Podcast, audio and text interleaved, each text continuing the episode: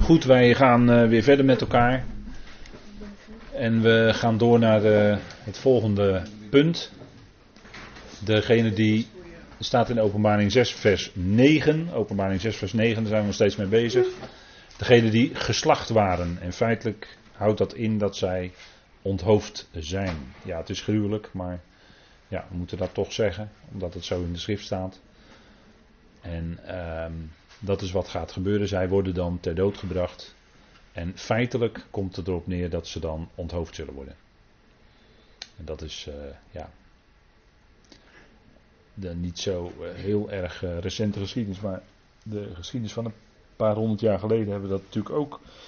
Heeft dat natuurlijk ook te zien gegeven. Hè? De, zoals u weet, de Franse Revolutie. Dat was een revolutie die ook zeer bloedig was. Zoals ook de revoluties daarna, maar die zijn allemaal opgezet naar het model van de Franse revolutie. Maar dat is allemaal, uh, het kenmerk is dat het zeer bloedig is. En uh, daarna kun je ook zien wat daarachter zit, welke geest daarachter zit. Dat mogen duidelijk zijn. Um, en dat is natuurlijk ook daarom wordt het woord altaar hier ook gebruikt. Hè? Maar u, begrijpt u begrijpt dat het uh, uh, hier een uh, symbolische taal is, het altaar. En de zielen van hen die geslacht waren, Johannes zag dat nu niet letterlijk, maar hij zag degene die, hè, in visioen zag hij, zag hij al dat bloed van degene die gedood waren, vanwege het woord van God en vanwege het getuigenis dat zij hadden. En dat zijn veel, dat zullen zijn veel mensen van het volk Israël. Die zullen dan omgebracht worden, omdat zij hun knieën niet willen buigen voor het beest en het beeld van het beest. Een enorme antisemitische uitbraak, waar de pogroms in Rusland bij zullen verbleken. Om maar iets te noemen. Om maar iets te noemen. Dan, dan zwijg ik nog over de Holocaust, wat we in de zeer recente geschiedenis nog hebben gezien. Nou, dat is natuurlijk ook gruwelijk. Maar er komt nog een tijd en dat moeten we toch dan met de schrift constateren. En ja, dat is, uh, dat is wat nog gaat gebeuren. En dat, er komt nog een tijd waarin het nog erger zal zijn. Nog erger, ja. ja.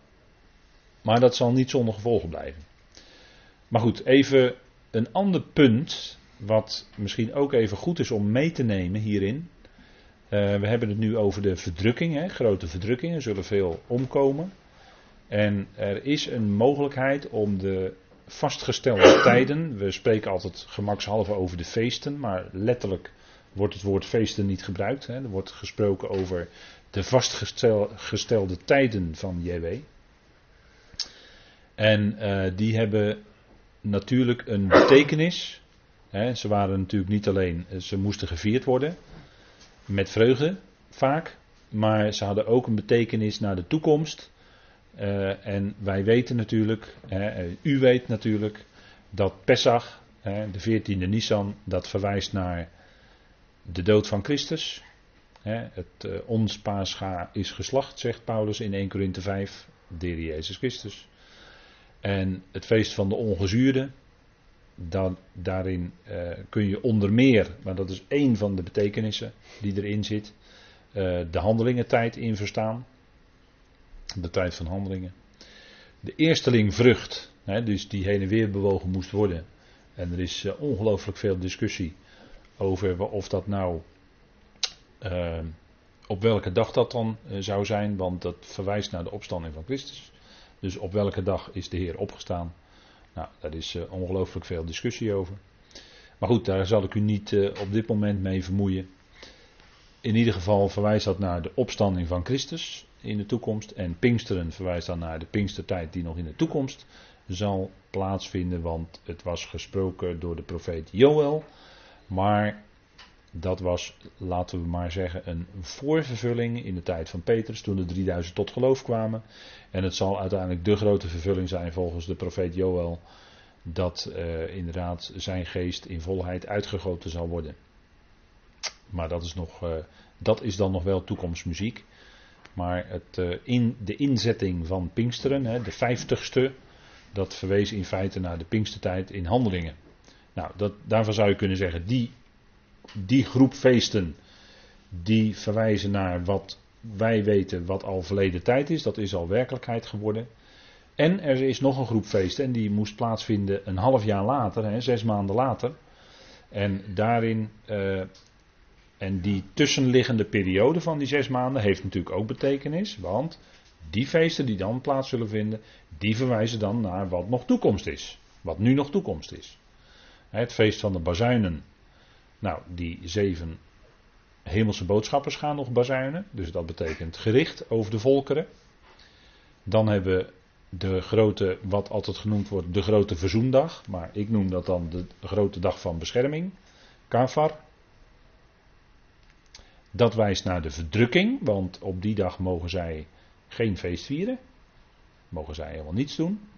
En moeten zij uh, zelf onderzoek doen, tot zichzelf keren. Hè.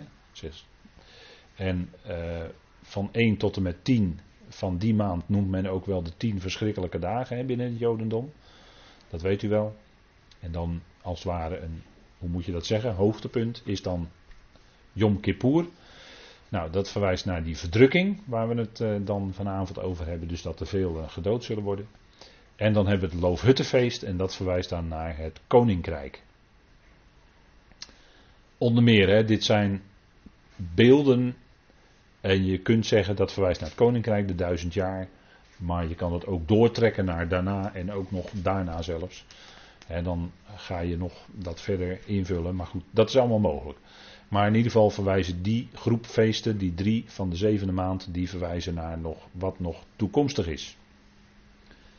En het is natuurlijk wel van betekenis dat daar tussen die eerste groep van vier en die tweede groep van drie, dat daar zes maanden tussen zit dus daar gaat een tijdspanne overheen en dat wees natuurlijk al profetisch naar de tijd waarin we nu leven, de tijd van genade. Maar dat wist men in Israël natuurlijk niet. Dus dit is misschien wel even, dacht ik, aardig om ook mee te nemen.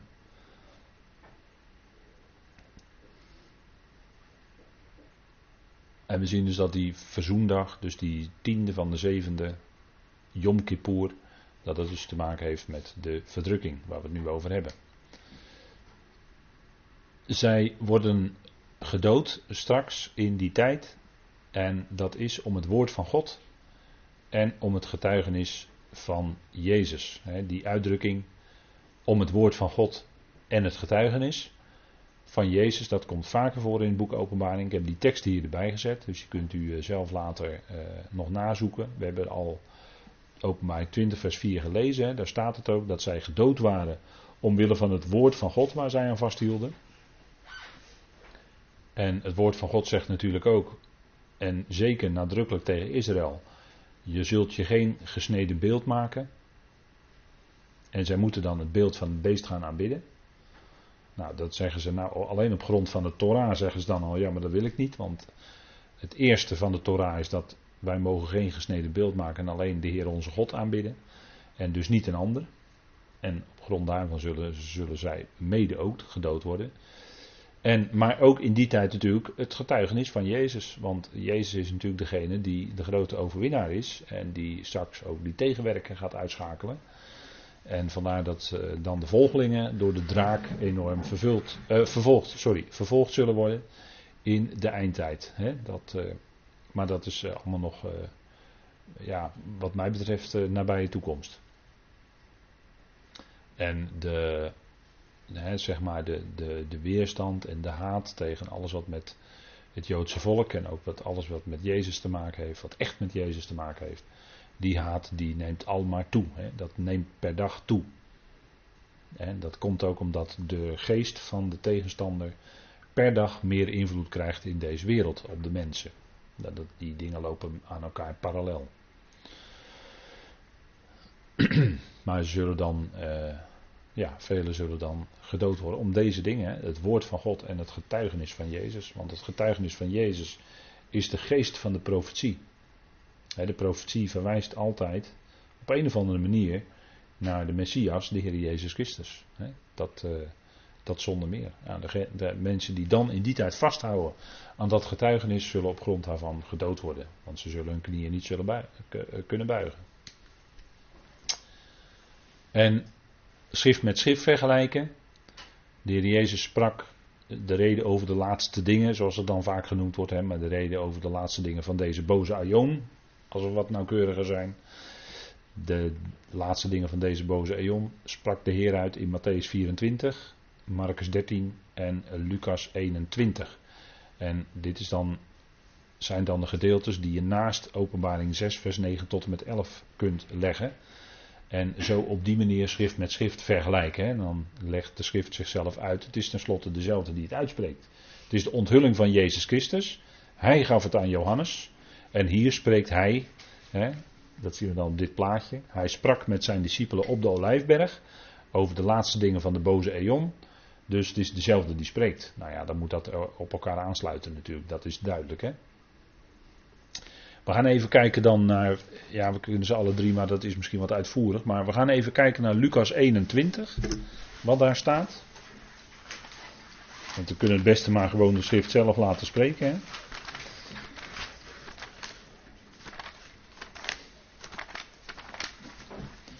Even kijken, Lucas 21. En daar gaat het dus ook over die helft van de jaarweek. Ik heb al voor de pauze gelezen Matthäus 24, vers 15. Wat nadrukkelijk spreekt over dat moment, het helft van de jaarweek. Op de helft van de zevenen zal hij het voortdurende, die offers zal hij stopzetten, de wetteloze. En dan zal Jeruzalem ook daar iets mee gebeuren, want die 70 jaarweken, dat is een profetie, dat weten wij, die gesproken werd aan Daniel door die boodschapper over jouw stad en jouw heilige volk. Dus het spitst zich enorm toe op Jeruzalem, hè, die 70 jaarweken, dat weten wij. En die 70ste jaarweek dus ook, en daar gaat het over in deze Lucas 21. Vanaf vers 20 lees ik dan met u. Nee, even kijken, uh, pardon. Wij lezen vanaf vers 12 toch, omdat het spreekt over inderdaad wat zijn volk zal overkomen. Uh, Lucas 21, vers 12. Maar voor dit alles zullen ze de handen aan u slaan en vervolgen door u over te leveren in de synagogen en gevangenissen. En jullie zullen voor koningen en stadhouders geleid worden omwille van mijn naam. En dit zal u overkomen opdat u zult getuigen. Neem dan in uw hart voor niet van tevoren te bedenken hoe u zich moet verdedigen, want ik zal uw mond en wijsheid geven die al uw tegenstanders niet zullen kunnen weerspreken of weerstaan. En jullie zullen ook door ouders, broers, familieleden en vrienden overgeleverd worden, en ze zullen van jullie doden. En jullie zullen omwille van mijn naam door allen gehaat worden. Maar er zal beslist geen haar van uw hoofd verloren gaan. En door uw volharding zult u uw zielen verkrijgen. Er staat letterlijk uw zielen. En dat is ook door de herziende statenvertalers er keurig ondergezet. In een voetnoot. Dus ze zullen hun zielen dan uiteindelijk verkrijgen en dan ook deel hebben later aan het koninkrijk. Hè? Dat is dan de strekking ervan. Wanneer jullie dan zullen zien, vers 20, dat Jeruzalem door legers omringd wordt, weet dan dat zijn verwoesting nabij is. U ziet het, hè? de Heer Jezus heeft het ook voorzegd. Hè? Jeruzalem zal nog verwoest worden. dit is nog toekomst wat hier staat. Dit, is, dit ziet op de toekomst. Dus hier Jezus zegt dat wanneer jullie zullen zien dat Jeruzalem door legers omringd wordt, weet dan dat zijn verwoesting nabij is. En natuurlijk gebeurde dat in het jaar 70 door de Romeinse generaal Titus. Maar dat was een vervulling, maar de definitieve vervulling is nog toekomst. Dat is die 70ste jaarweek van Daniel. En dan staat er in vers 21: laten dan, als je dus ziet dat Jeruzalem door legers omringd wordt, laten dan wie in Judea zijn vluchten naar de bergen en wie in het midden van daarvan zijn daaruit wegtrekken en wie op de velden zijn en niet ingaan. Want dit zijn de dagen van wraak, opdat al wat geschreven staat vervuld wordt. Maar wee de zwangeren en de zogenden in die dagen, want er zal grote nood zijn in het land. En toren over dit volk. Toren over dit volk. En ik heb u een heel aantal keren geleden met u besproken dat hier wordt gesproken over de grote verdrukking, over Israël. En dit wordt genoemd de toren over het volk. Dus hier wordt die grote verdrukking de toren genoemd. Ja, ja. De grote verdrukking wordt de toren genoemd. En wij worden gered voor de toren, voor de verontwaardigingen. Worden wij weggenomen, zegt Paulus in 1 Thessalonicense.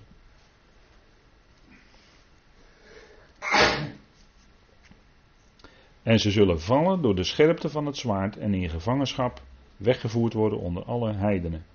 En Jeruzalem zal door de heidenen vertrapt worden totdat de tijden van de heidenen vervuld zullen zijn. Nou, dat is dan uiteindelijk als het koninkrijk aan gaat breken. Dan zijn die tijden van de heidenen vervuld en dan zullen ze Jeruzalem niet meer onder de voet kunnen lopen. Maar dat zal nog wel een keer gebeuren, want de heer Jezus sprak in vers 20 over de verwoesting van Jeruzalem. Nou, dat zal door de volkeren gebeuren, ja. Maar dat zal niet zonder gevolgen blijven.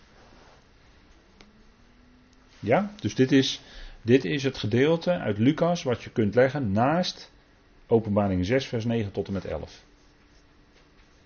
dus dat, dat zijn uh, gedeeltes die echt veel met elkaar te maken hebben. Nou, dan die andere twee gedeeltes, die, uh, die kent u, die heb ik erbij gezet. Voor alle duidelijkheid. En die kunt u uh, dan zelf nalezen. En ik heb al een paar keer gezegd dat men zal dus de hand slaan aan het Joodse volk. Hè. Er zullen velen van hen gedood worden. Maar dat zal niet zonder gevolgen blijven. Want de Heer heeft ook gezegd: Wie aan Israël komt, dat is mijn oogappel. Wie daaraan komt, die zal de gevolgen ondervinden. Hè, wie dat volk zegent, die zal gezegend worden. En wie het vervloekt, of wie het wil ombrengen, die zal daar ook de gevolgen van krijgen. En dat zien wij bijvoorbeeld in de in wat dat bloed dan doet. Hè. Dat bloed, net als bij Abel, roept van de aardbodem. Waarom? Nou, om vergelding. Dat lezen wij in vers 10. Hè. Die zielen, dat is eigenlijk dat bloed, dat roept van die aardbodem. En zij riepen met luide stem, dat is natuurlijk beeldspraak. Tot hoe lang, heilige en waarachtige eigenaar, oordeelt en wreekt u ons bloed. Daar gaat het om, hè niet aan hen die op de aarde wonen. Dus heeft dat dan geen gevolgen voor degenen die dat hebben gedaan? Jawel, zeker wel. Zeker wel. Want nu hebben ze aan zijn oogappel gezeten. En nu zal het dan ook gevolgen gaan hebben. dat zal daarop volgen. En dat is wat te zien is onder de gerichten van die zeven bazuinen. Van die zeven trompetten. Die door de boodschappers daar gestoken zullen worden. En dat lezen wij bijvoorbeeld in een psalm als 94. En dat is een zogenaamde wraakpsalm, hè, zou je kunnen zeggen. Nou, laten we even met elkaar kijken wat daar onder meer in staat. Hè. Psalm 94. Een zogenaamde wraakpsalm.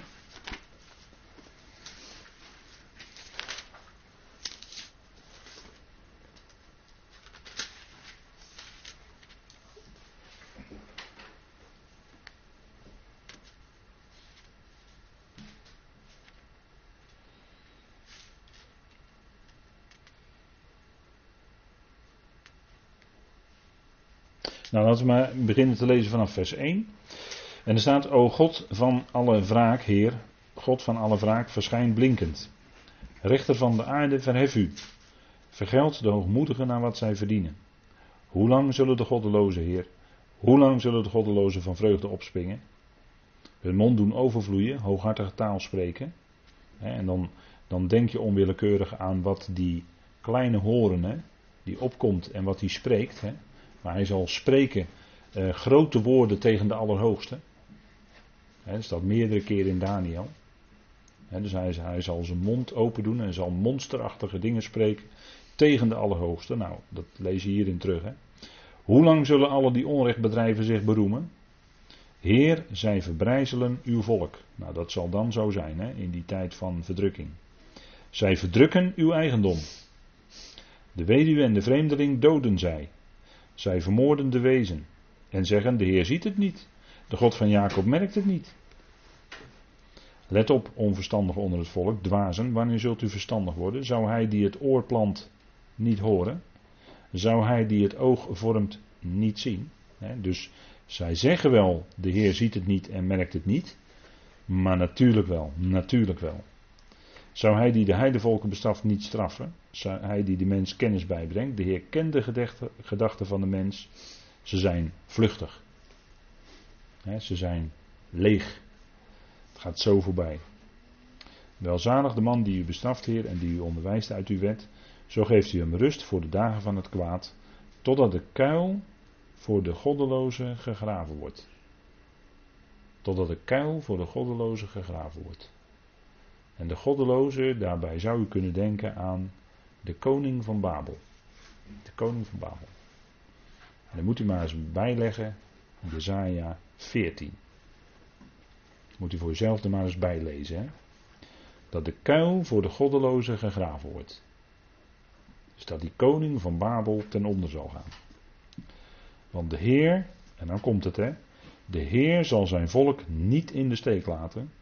Hij zal zijn eigendom niet verlaten. Want het oordeel of het gericht zal weer rechtvaardig zijn. Alle oprechten van hart zullen ermee instemmen. Wie zal voor mij opkomen tegen de kwaaddoeners? Wie zal zich voor mij opstellen tegen wie onrecht bedrijven? Als de Heer niet mijn helper was geweest, had mijn ziel bijna in de stilte gewoond. Toen ik zei, en dat is eigenlijk de stem van het volk Israël, hè? toen ik zei, mijn voet wankelt, ondersteunde uw goede tierenheid mij, Heer. Toen mijn gedachten zich binnenin mij vermenigvuldigden, verkwikte uw vertroosting in mijn ziel. En op die roep, hè, hier lezen we dus in deze psalm, dus die roep om vergelding, om wraak van God. En dan zal hij dat ook gaan uitvoeren. En uh, wij lezen dat, hè, ook dat, dat, uh, dat wankelen van die voet, dat lezen wij ook in Deuteronomium 32. Gaan we ook even met elkaar opzoeken. Deuteronomium 32.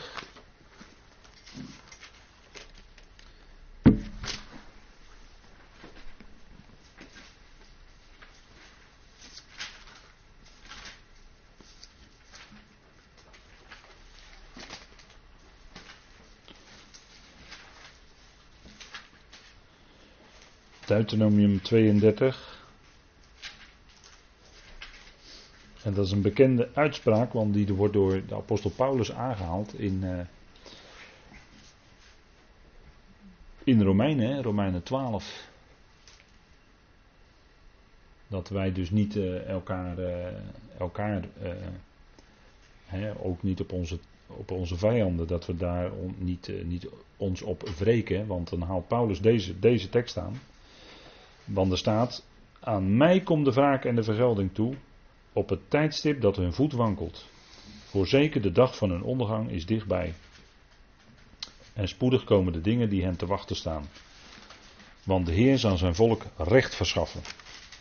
Hij zal berouw hebben over zijn dienaren, want hij zal zien dat hun kracht is vergaan en dat het met de gebondenen en de vrije gedaan is.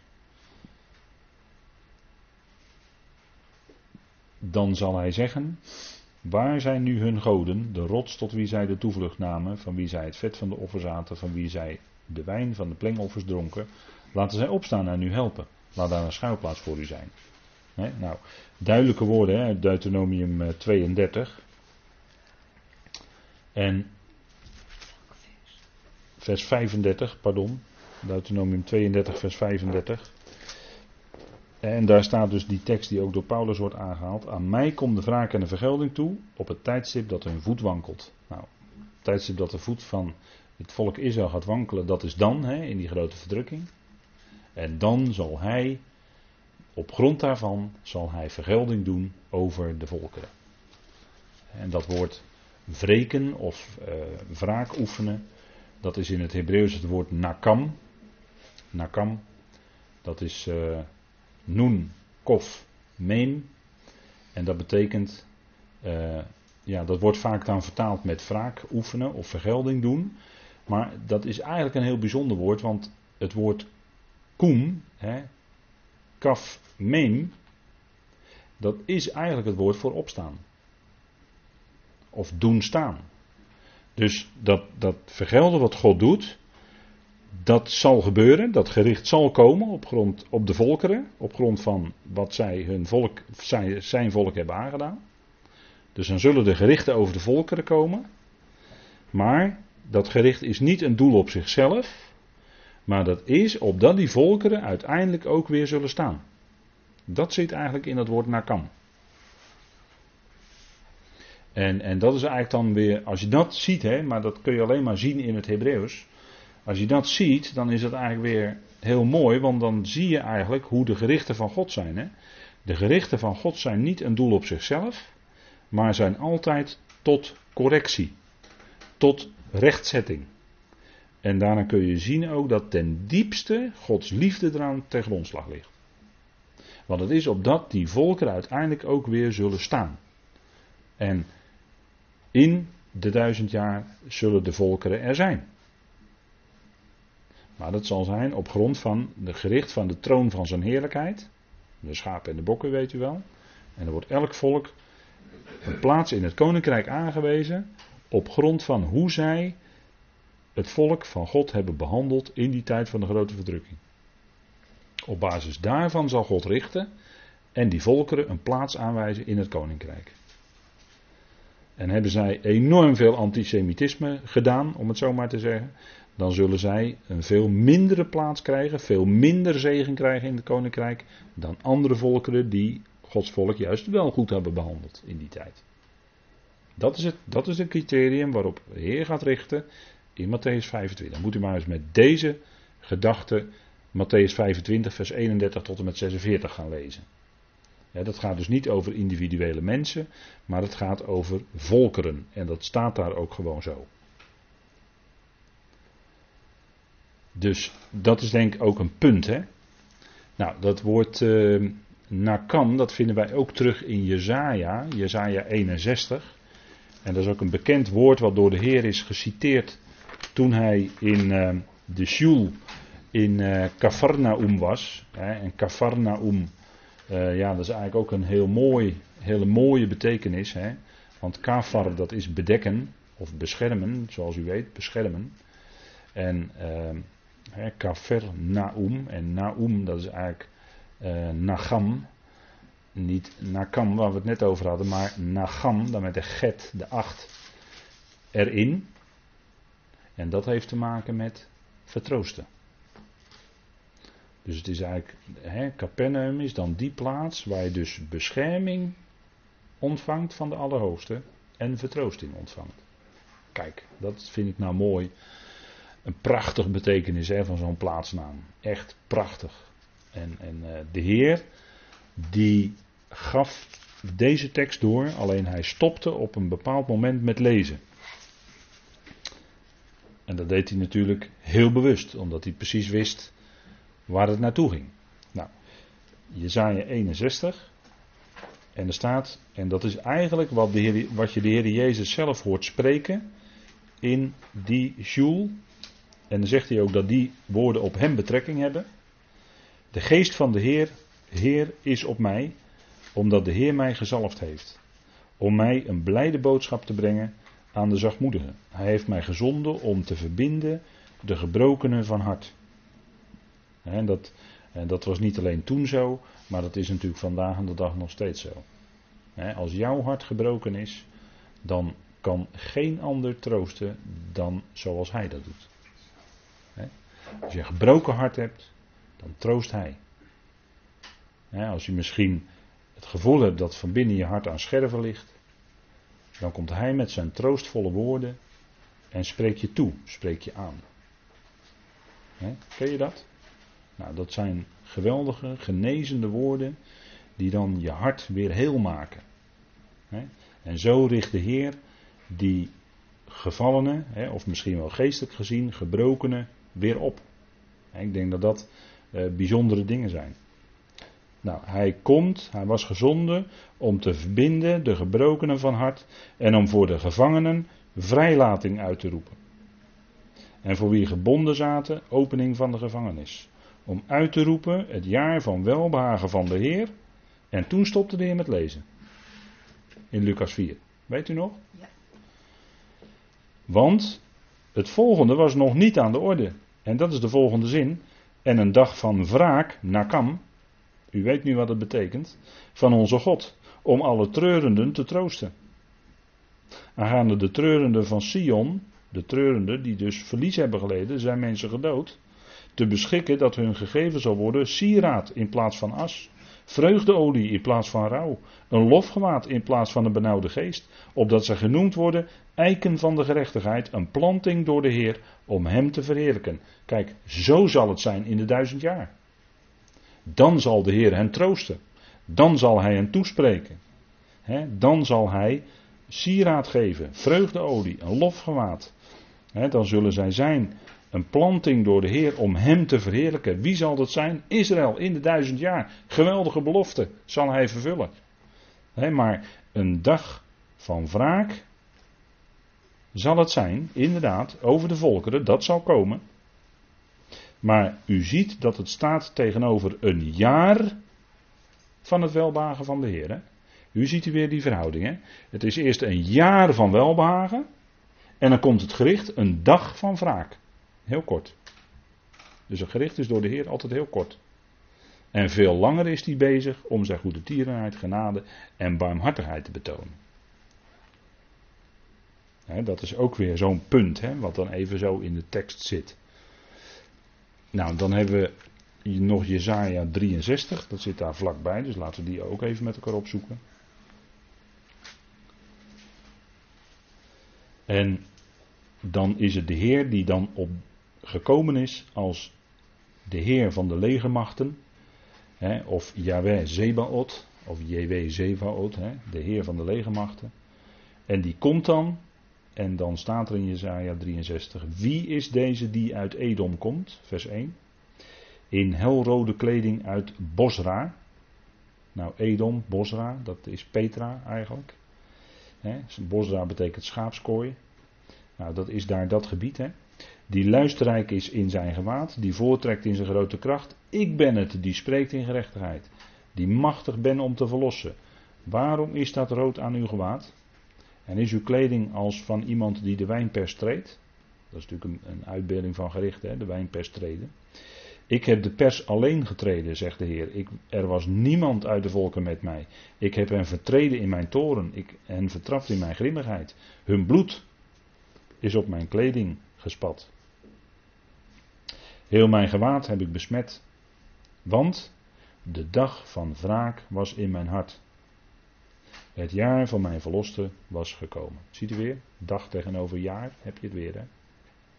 Nou, een dag van wraak. Wraak is weer dat nakam in het Hebreeuws. Het jaar van de verloste was gekomen. ik keek rond, maar er was geen helper. Nee, de Heer heeft het zelf gedaan. Hij heeft zelf dat gericht uitgeoefend als JW Zebaot, die uittrekt voor Israël tegen de vijanden. En kennelijk zal hij dan ook een overblijfsel van zijn volk in dat Petra daar, in, in dat zuiden, Edom, Bosra, Schaapskooi, dat ligt daar allemaal bij elkaar. dat zijn allemaal dezelfde soort, dat is dat, datzelfde gebied. Uh, daar zal hij dat overblijfsel uh, gaan ophalen en weer terugvoeren het land in. Langs de koninklijke weg die daar ligt. Hè. De King's Highway wordt die nu genoemd. zo zal de Heer dan vanuit daar ook uittrekken en zal hij later met dat overblijfsel ook Jeruzalem binnentrekken. Maar dat is niet zomaar, dat gaat niet zonder slag of stoot. Nee, eerst moet hij met de enorme klap die vijanden verslaan. Vandaar dat hier zo in Jesaja 63 er zo over wordt gesproken. En zo zal hij verlossing brengen. dus er komt wel een dag van vergelding, inderdaad, een dag van wraak. Ja, die komt over de volkeren, zeker. Maar dan zal het daarna ook zijn, duizend jaar lang, shalom. Nou, zullen we daarmee dan besluiten vanavond. Ik wil het hierbij laten. We gaan de volgende keer weer verder. We zullen de Heer danken. Vader, wij danken u dat we ook vanavond hier met elkaar over mochten spreken, over deze dingen. Ernstige woorden. Vader, en u maakt uw woord waar. Als men de hand slaat aan uw volk, vader, dan kan dat niet zonder gevolgen blijven. Maar dan zult u gaan uittrekken en zal u vergelding doen op de vijanden. Zal u de volkeren gaan richten. Vader, het zal een bijzondere tijd zijn. Vader, dank u wel dat u ons voor die tijd wegneemt. Vader, we leven nog steeds in de tijd van de boodschap van verzoening, van genade. Vader, het is nog steeds genadetijd, we danken u daarvoor. Vader, maar we zien dat de donkere wolken van het gericht zich in de verte al samenpakken en u gaat komen. Heer, we danken u dat wij ineens weg zullen zijn. Op die dag van de bazuin, Gods. Vader, dank u wel dat dat ons uitzicht is. En dat wij leven mogen in een tijd van genade, dat we mogen leven in ons land met een vrijheid in ieder geval om bij elkaar te komen, in alle rust, om met uw woord bezig te zijn. Vader, als gemeente bij elkaar te komen. Vader, we danken u voor uw trouw en goedheid. We danken u dat u ons allen nabij wil zijn, ook in de komende dagen. Bidden ook voor de dag van morgen, Heer, met alles wat daarin weer zal plaatsvinden. Vader, dank u wel dat u het weet en dat we mogen opzien naar u. Wetend, Heer, dat u ons vertroost en bemoedigt. En dat u inderdaad gebroken harten weer verbindt. Vader, dat u troost en bemoedigt. Dat u ons aanspreekt. Vader, ook als we het moeilijk hebben, dat u ons daarin rijke troost geeft. Vader, we danken u voor die woorden van genade, van uw trouw. En dat we op u mogen zien, Vader, en dat u precies op tijd zal ingrijpen. We danken u daarvoor in die machtige naam van uw geliefde zoon. Amen.